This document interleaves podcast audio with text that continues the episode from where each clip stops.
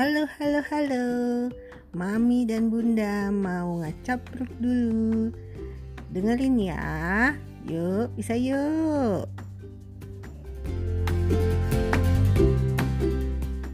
Halo? Hello. Hello. Hello. Dong? Welcome back, welcome back. Kayaknya lebih ramai dari bumper ini opening gue. Eh kita lagi ada kakak nih di sini. Hai kakak. Nih kayak gini kak, yang namanya podcast. Ayo kita ngobrolin, ngobrolin public figure. Iya, public figure. Kenapa orang-orang itu yang ditangkap harus bilang minta maaf? Minta maaf sama siapa? Kenapa harus minta maaf? karena itu kan apa ya kayak suatu pengakuan kesalahan gitu bahwa mereka admit kalau mereka salah kalau yang tadi aku tonton sih minta maaf sama keluarga teman sahabat sama terutama anak-anaknya Terus harus di depan umum gitu bilang minta nah maafnya. itu gak tahu sih maksudnya eh, kalau di polisi tuh suka kayak gitu kayak gitu sih. Yang setahu aku minta maaf di depan publik gitu. Maksudnya suatu hukuman moral juga kayaknya. Supaya kapok gitu malu kan kalau misalnya disuruh minta maaf di depan umum. Gitu kayak di strap kalau di sekolah. Itu suatu hukuman moral juga gitu. Iya, tapi kan berarti itu dia tidak sincere. Maksudnya dia tidak ikhlas juga minta maaf. Orang disuruh. Ya disuruh akhirnya kan jadi kapok gitu loh itu yang jadi efek psikis untuk eh, NR dan siapa namanya ya, itu ya gitu Iya, tapi kalau menurut gue sih ya buat apa minta maaf gitu. Jadi kayak bener-bener jadi tontonan banget gitu. Buat apa kalau minta maaf buat keluarganya, buat temennya, buat anaknya ya private aja lah. Lagian juga nggak yakin gue dia minta maaf bakalan sorry ya gue kayak gini bikin malu elu gitu. Ih, maksud lo? ya mungkin secara kultural ya di sini itu kalau misalnya so- ada pengakuan tuh maksudnya ada kesalahan tuh pasti suruh minta maaf di publik itu terutama kayak narkoba, perzinahan dan lain-lain di sini tuh jadi hukumannya moral gitu. Oh. Jadi nggak cuma diproses hukum tapi diproses juga secara moral sama masyarakat. Hmm, kamu mau jadi public figure dihukum sih ya? Yang benar dong kalau jadi public figure. Hmm. Tapi menurut kamu dia menggunakan narkoba salah apa enggak sih?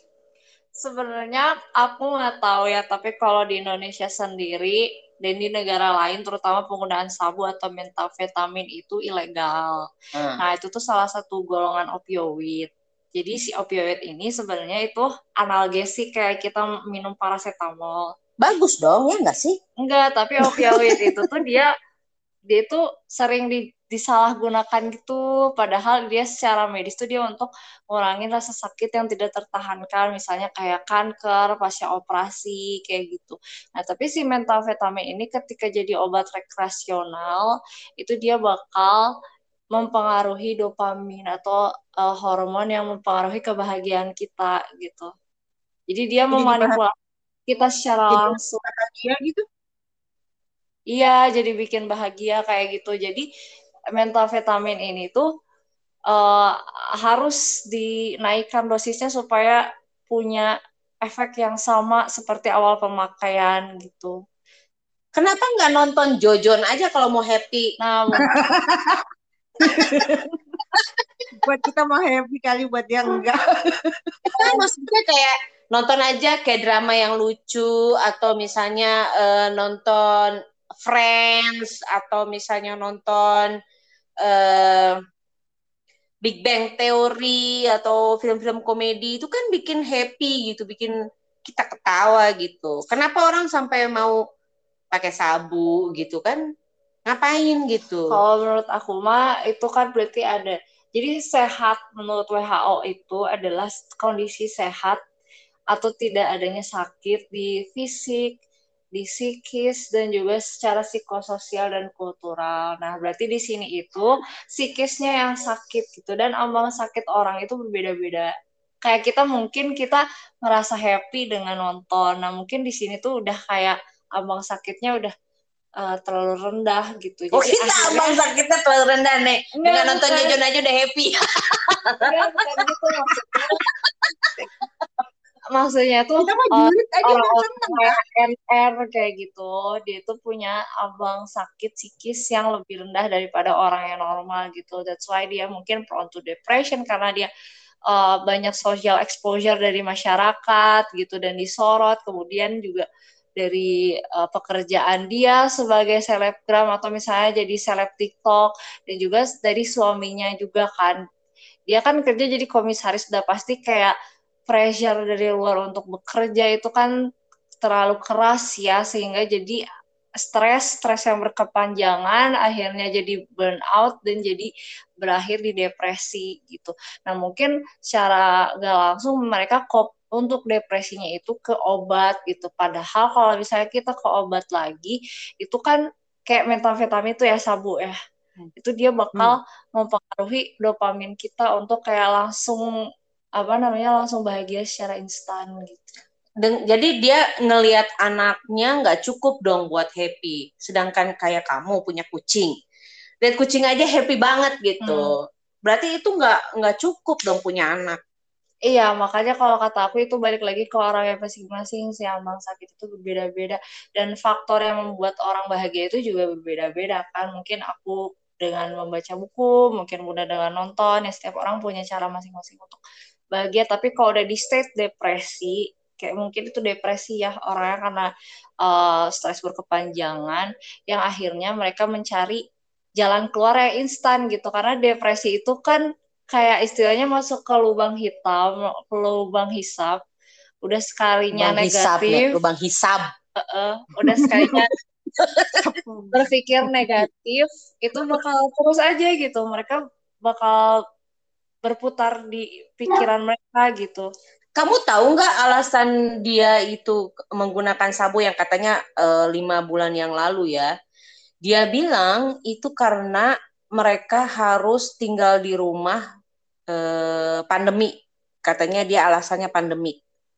Itu bisa juga sih. Karena memang uh, semenjak pandemi itu orang-orang merasa burn out dan merasa kayak kayak yang aku bilang zona nyaman rumah itu jadi lain lagi gitu. Karena WFH kan work from home yang akhirnya tuh kayak kita ada bias gitu. Ini tuh rumah kita tuh untuk istirahat atau untuk kerja sih gitu. Hmm oke. Okay. pinter ya? Kamu siapa sih kak Speaker. Kamu tahu nggak tadi istilah-istilahnya? enggak, enggak paham ini apa sih? Enggak kak, ya setahu uh, setahu gue sabu itu memacu memacu energi gitu loh. Jadi jadi jadi senang kerja, jadi senang uh, energi berlebihan gitu. Setahu gue, tapi tidak nggak nyenggol-nyenggol soal kebahagiaan gitu kan karena un jadi karena yang gue tahu yang pakai sabu itu biasanya adalah pekerja keras gitu loh. Hmm, iya, jadi si metafetamin itu dia itu golongan stimulan dan halusinogen. Jadi dia tuh stimulan tuh kan artinya dia bisa bekerja lebih keras, eh, uh, apa ya namanya tuh moodnya naik kayak gitu.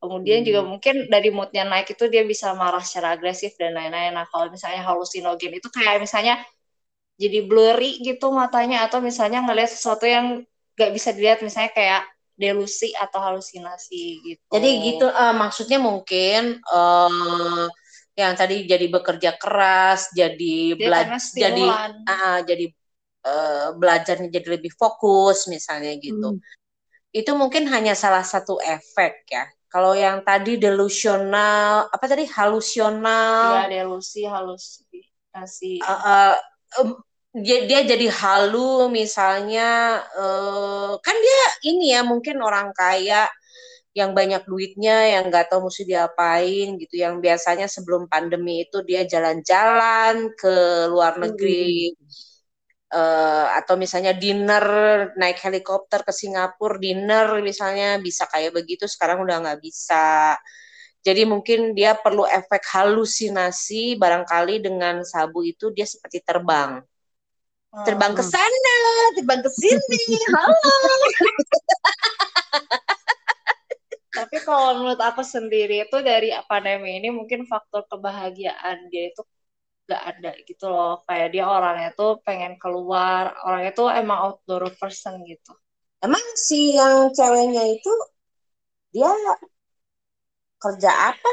Jadi MC aja nah Dia itu tuh- itu itu yang di jadi MC aja oh, halo. Itu kayaknya yang di TikTok itu dia efek dari itunya deh halusin bagian yang dari dia pakai itu karena iya ngarang gitu ya Iya, MC-nya ya. karena Ya memang- parah. salah satu Ngomongin efek deh Apa, ada ada ada rasa kebingungan gitu loh. Ya Megan dong bingung maksudnya bingung dari otaknya juga karena udah dipengaruhi si obat itu kalau aku rasa kayaknya nggak lima bulan deh kayaknya udah lama dia menggunakan itu gitu dan itu susah banget untuk kayak direhab. Bener-bener. Pasti akan balik lagi kayak contohnya tuh RR tau gak sih yang anaknya penyanyi dangdut. Itu kan balik lagi balik lagi Saha kan. RR Ridho Roma oh. Tit. Iya. Nah, itu kudu RR kan. Sebut aja deh. once kita uh, nyobain narkoba yang kayak golongannya stimulan dan mempengaruhi dopamin itu akan susah untuk berhenti. Jadi jangan deket-deketin barang-barang kayak gitu. Karena di sabu sabu ini juga kalau di Filipina setahu aku itu juga menjadi suatu um, outbreak ya kayaknya jadi maksudnya jadi tren outbreak itu Iya, jadi tren gitu. Sabu-sabu tuh emang uh, obat yang paling murah gitu. Mungkin kalau di luar negeri disebutnya crystal meth kayak gitu. Itu dijual-jualnya itu bisa le- lewat dari bandar atau lewat dari dark web. Hmm, tapi gini ya, kok bisa jadi breakout di Filipina, sedangkan di Oke. Filipina itu kan semua dealer-dealer bukannya dihukum mati, harusnya makin makin rendah dong tingkat penggunaan Nah, narkobanya. itu nggak tahu ya itu bukan maksudnya bukan ranah aku itu kan hukum ya, tapi secara kesehatan di situ sabu-sabu itu menjadi obat yang paling murah untuk dibeli gitu kalau di sana, terutama di golongan menengah ke bawah. Mungkin kalau di sini bisa dibeli tapi mahal gitu. Gitu, mahal kalau di sini. Jadi dibelinya tuh harus lewat bandar dan pasti harganya lebih mahal. Makanya belinya cuma berapa klip, mungkin berapa gram gitu kan. Hmm, Itu kakak tadi bilang si jadi bisa jadi seperti paracetamol. Enggak, dia itu eh, golongannya analgesik juga. Jadi ada yang opioid sama non opioid analgesik tuh. Nah, yang ini dia opioid gitu. Jadi dia dari daun-daunan gitu. Dari tumbuhan lah gitu. Terus diekstrak jadi eh, mental vitamin. Ih, tapi efeknya sama nggak? Bisa menahan sakit? Apa bedanya Iya. sama morfin? Iya, iya, mirip sama morfin. Dia kan opioid juga kalau nggak salah ya. Iya, kalau nggak Iya. salah dia untuk menahan sakit juga gitu. Tapi sayangnya banyak orang yang menyalahgunakan yang akhirnya jadi obat rekreasional gitu. Kamu sudah delusional, sudah halusional, perlu rekreasional. Bener banget. Juga sih, tapi kalau halusinasi itu ini jadi ngaruhnya ke ini, ke mental health ya. Sebenarnya kalau halusinasi itu memang dari Kalau gua rasa sih dia terlalu kaya, eh, terlalu eh hidupnya itu kan full demand ya, berarti kalau kaya itu. Jadi Iya. ya Banyak tuntutan dari luar, dia harus perfect kan. Iya, iya kayak Hmm, gitu makanya yang aku bilang jadi dia terlalu tertekan karena banyak social exposure yang menatap ke dia gitu. Bayangin aja kayak kita apa-apa salah sedikit jadi berita gitu kan. Itu nggak mudah sih. Nggak bisa buka salak jadi berita. Tuh kan jadi Iya, apa kan? jadi viral. Kasihan kan? Uh, uh, masalahnya tuh uh, Indonesia itu maksudnya menurut riset tuh orang tuh senangnya tuh kayak yang horor terus kayak senang ngepoin orang tentang cinta itu Indonesia tuh senang banget masyarakat Indonesia sama yang gitu. Siapa itu yang survei? Makanya rame banget kan sampai kayak semua berita nih kayak di Line Today ya atau misalnya di Tribun News tuh pasti kayak tentang berita-berita yang kalau menurut aku nggak terlalu harus diekspos gitu loh. Jadi Iya. harus batasan pribadi juga untuk orang itu ya kalau menurut aku. Itu sayangnya ya kalau orang Indonesia karena emang udah budaya juga sih. Iya, ngurusin urusan orang, seneng. Heeh, sementara eh, kitanya sendiri itu kayak kayak kita nggak menarik diri sendiri untuk fokus sama diri sendiri aja gitu. Iya bener Apa sih. untungnya untuk kita ngomongin orang lain gitu kan? Justru orang-orang seperti NR ini perlu ditolong ya kayak Loh, Bin Kita itu amfetaminnya itu dengan ngomongin orang itu udah ke kehappian tersendiri. Ya sebenarnya ada hmm, kalau menurut aku bilang sih ada positif negatifnya juga. Kalau misalnya kita terlalu ngomongin sampai kayak kita ngejudge atau mungkin bikin flexing, bikin suatu asumsi baru kan akhirnya jadi fitnah gitu. Sebenarnya bagus-bagus juga sih untuk hiburan, tapi maksudnya kalau untuk terlalu didalemin orangnya tuh sampai kayak ditelusurin orang tuanya apa sih gini-gini gini, itu juga nggak baik juga gitu. Ngapain juga kita ngepoin orang buang-buang waktu, buang-buang kuota internet untuk Tuh, yang kayak dengerin. gitu. Udah unsubscribe aja itu lambe. Karena waktu kita banyak, Kak. Itu maksudnya tuh waktu tuh berharga gitu loh. Maksudnya bisa kita lakukan hal-hal yang lain. Tuh, Nek, kayak kakak baca buku, baca buku, baca buku, baca buku. Bosan nggak sih? Padahal menurut kita ya waktu itu ber- berguna banget selain baca buku ya. Jadi mungkin persepsi orang beda-beda ya. Maksudnya mempergunakan itu tuh berbeda-beda. Walaupun jangka waktunya sama ya setiap orang 24 jam, tapi cara menggunakannya itu beda-beda. Saudara aku, Mami. oh iya, mami. Mami itu, mami itu dia me, Menggunakan menghabiskan waktunya. waktunya, menggunakan waktunya waktu itu les bahasa Prancis. Siapa? Mami, Mami siapa? mami Pelo. Makin Ini. Siapa? Siapa? oh, coba-coba ngomong bahasa Perancis. Oh, ngomong Safa. Oh, Vigets dia. aku kan bisa jawabnya, aku cuma bisa bahasa Jerman kalau Perancis. Ngerti. Oh iya, les di mana? Les Soalnya kan taunya itu doang. Eh, eh, komong talevu Ngomong Talebu, apa sih gak ngerti? Gitu. komong talevu siapa gitu. Artinya? Artinya Apa kabar? How do Ah, you do? hmm, kalau bahasa Jerman apa apa kabar? eh, Vigets ini nih kalau buat orang formal ya, kayak misalnya Viget es inan Vigets ini kalau unformal tuh Vigets dia. Viget Vi, Vigets dia. Viget dia. Oh, we get dear. Ya itu itu informal kayak ngobrol biasa. Tapi kalau misalnya ngobrol sama orang terhormat atau misalnya ngomong di kantor gitu ya, itu Vigets Hmm. as in uh, Anda apa kabar gitu. Kalau ini tuh kamu apa kabar gitu. Kalau yang dir itu. Hmm. Annyeonghaseyo. Nah itu itu bisa Korea banget sih. Safa.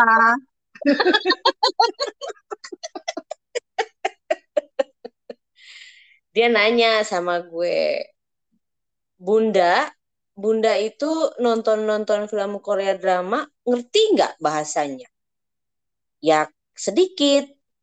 Terus dia bilang kenapa nggak belajar bahasa Koreanya? Uh, nugu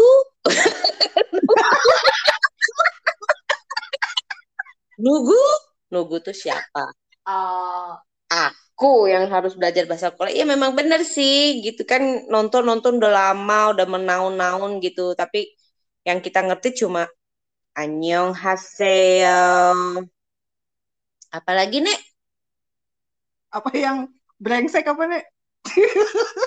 Otoke. Otoke otoke. Gimana ini gimana? Otoke otoke. Otoke um, mm, ini udah Karena- lama sih nggak pernah drakoran jadinya lupa deh. Iya. Tadi gue baru nonton lagi Korea drama sebelumnya gue nonton yang Finland cuma yang Finland itu eh kurang menarik yang kemarin aku lihat kalau tadi itu perihal eh, ini eh, yang tadi aku lihat lebih ke perihal eh kamu berbohong Hmm. yang akan mengakibatkan kebohongan lagi, menutupi kebohongan lagi gitu. Sehingga mengakibatkan kerusakan di lingkungannya. nih Jadi eh menurut gua sih selebritis-selebritis itu yang kayak tadi contohnya yang sampai nyabu, gua rasa sih kan dia misalnya untuk menampilkan dirinya di TV mungkin bukan dirinya yang asli gitu. Dia kayak semacam membuat figur tersendiri bahwa kalau di depan TV yang begini gitu loh. ya sama aja kayak penggunaan sosial media. Makanya kalau kata aku sih apa yang dipost di sosial media itu cuman highlight gitu sih. Ya, betul. Oh ini iya kan soal ini milestone gue. Akhirnya di yang happy happy aja. Yang dia happy tapi kita nggak tahu apa sih behind the scene mereka itu. Kita nggak tahu gitu. Makanya menurut aku juga sometimes bukan sometimes sih often kalau sosial media itu juga toxic sih untuk uh, psikis kita juga nggak baik. Kalau kalau setauku kan dari psikiater aku dibilangin sekarang itu nggak usah malu katanya ketergantungan narkoba. Jangankan gitu sekarang yang ketergantungan aja itu ketergantungan sosial media dan game.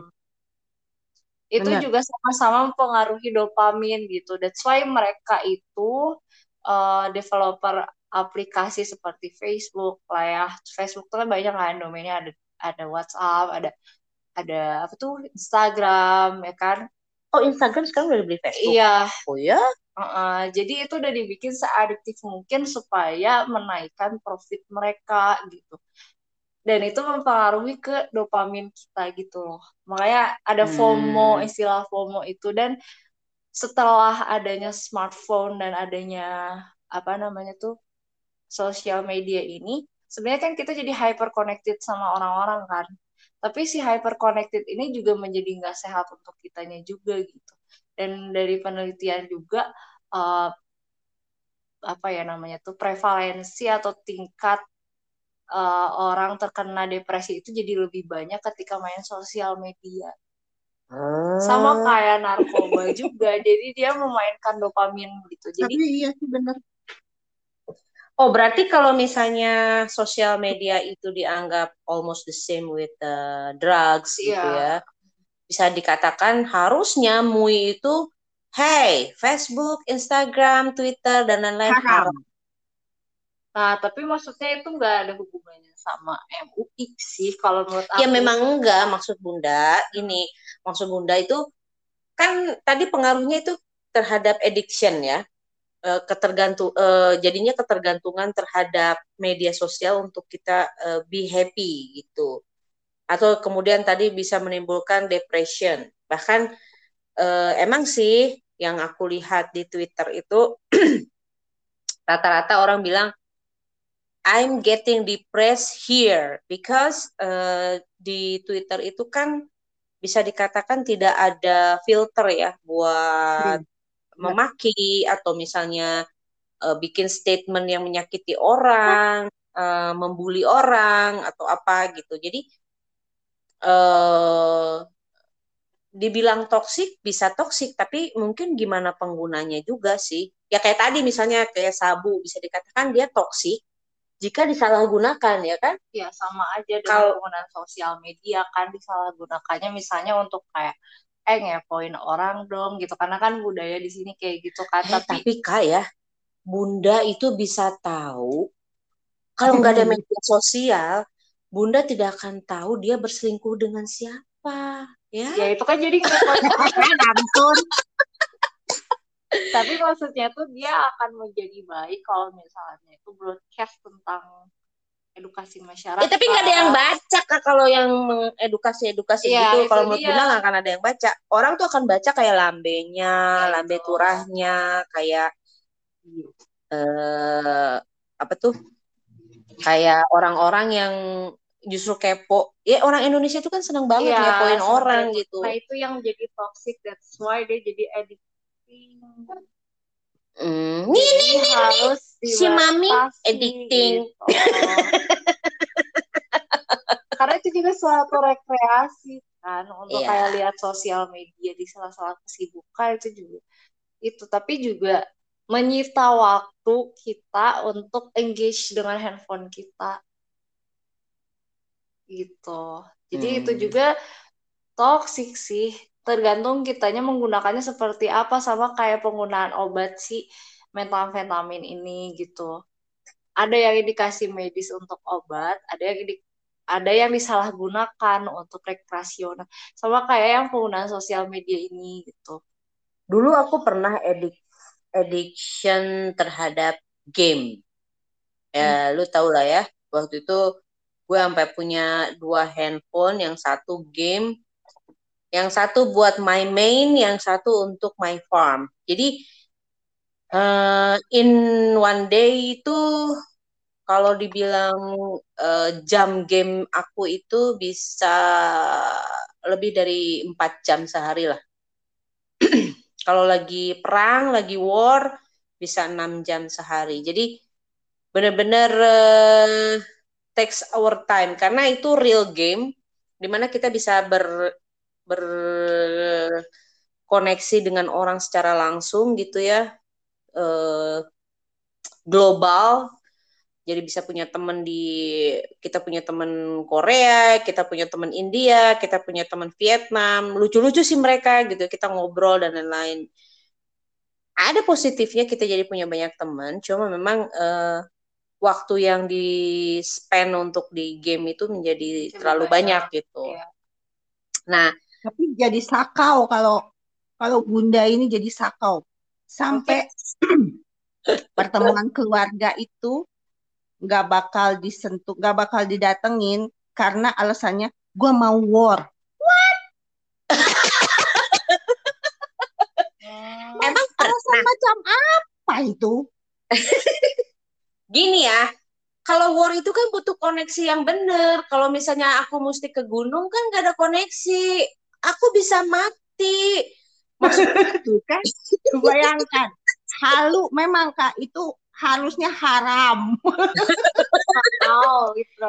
Ya jadi gini ya, uh, aku aku aku mau gitu ya, misalnya ngumpul keluarga tuh aku mau, aku selalu tanya kan di sana sinyal yang bagus apa? Indosat kah, Telkomsel kah, uh, Excel kah atau apa gitu mereka bilang Indosat aku beli kartu Indosat cuma nggak bisa main game.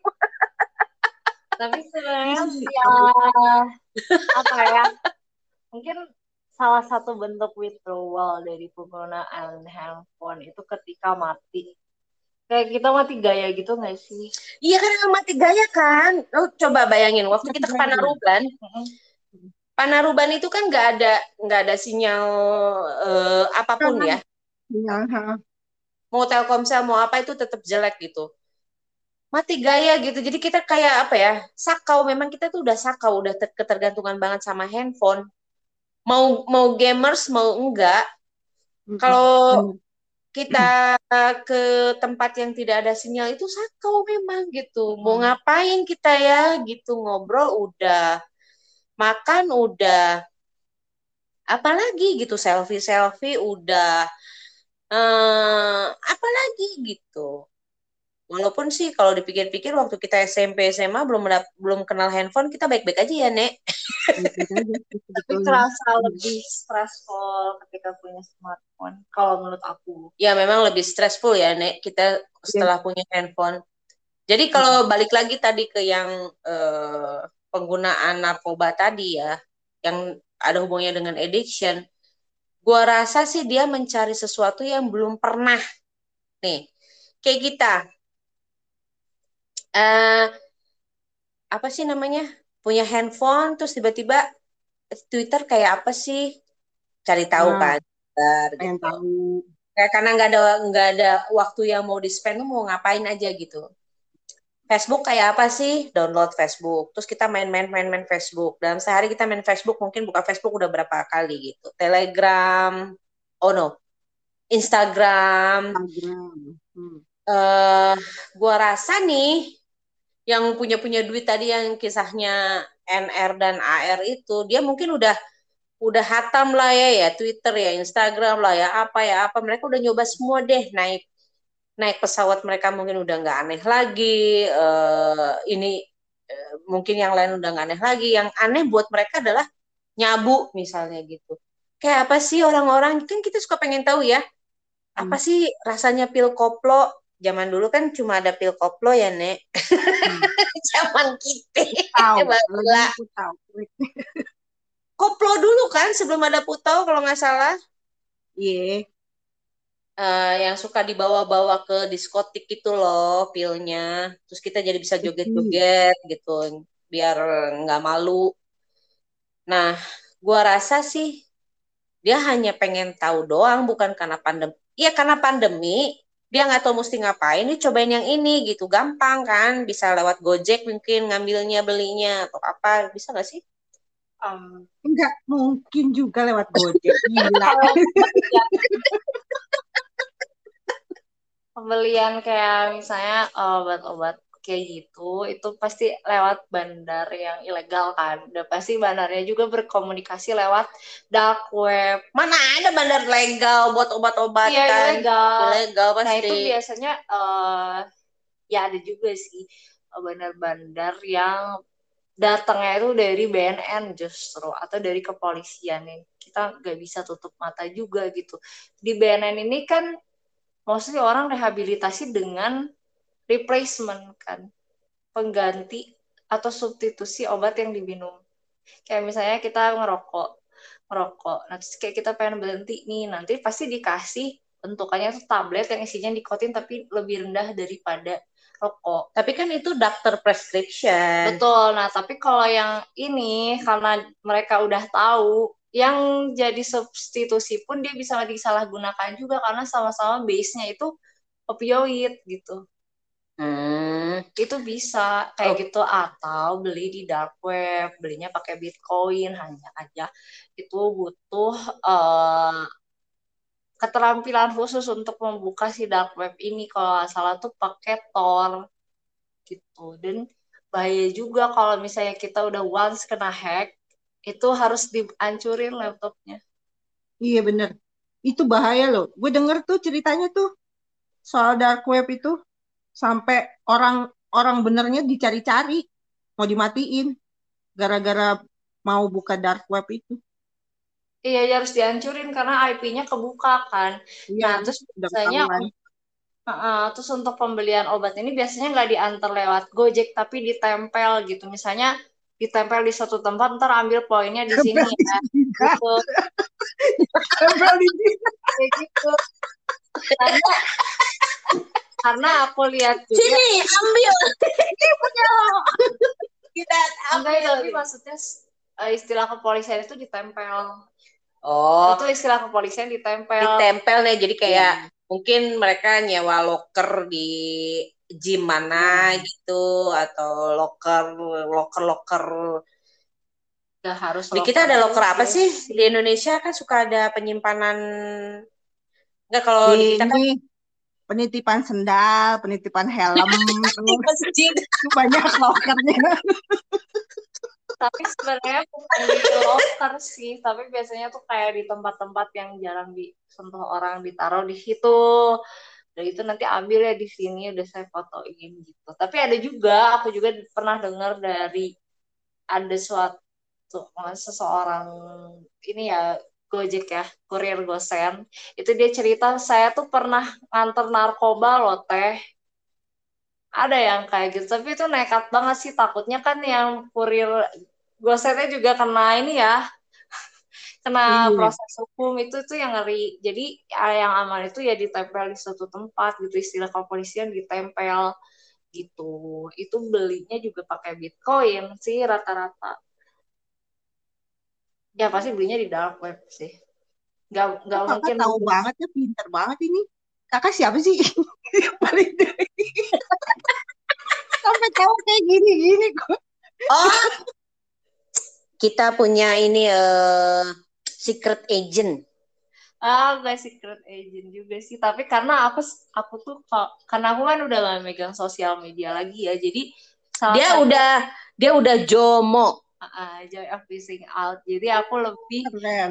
banyak iya terpaparnya itu di YouTube. Jadi kayak belajar tentang why gitu orang-orang tuh bisa dapat narkoba dari mana sih dark web. Terus aku cari dark web tuh kayak gimana. Terus ya banyak ternyata di dark web itu nggak cuma jual-jual narkoba, tapi juga dia jual em, mafia untuk Cewek, orang. Tuh ada jual anak. yang, yang kejadian yang di Korea Selatan itu loh, Nek. Yang dia itu dark webnya itu dia menjual video eh, cewek-cewek yang diperkosa Ya, itu ada. gitu. Terus eh, dia malah bocah diperkosa. Ah, ah. Iya, iya tahu gua. Iya itu yang menawarkan cewek di sini rumahnya ini sampai tahu loh rumahnya di mana, alamatnya di mana, ada di sini gitu. Terus orang itu bisa datang ke situ terus melecehkan cewek itu gitu. Wah, gawat banget deh. Bisa sampai kayak gitu ya. Ngeri. Serem.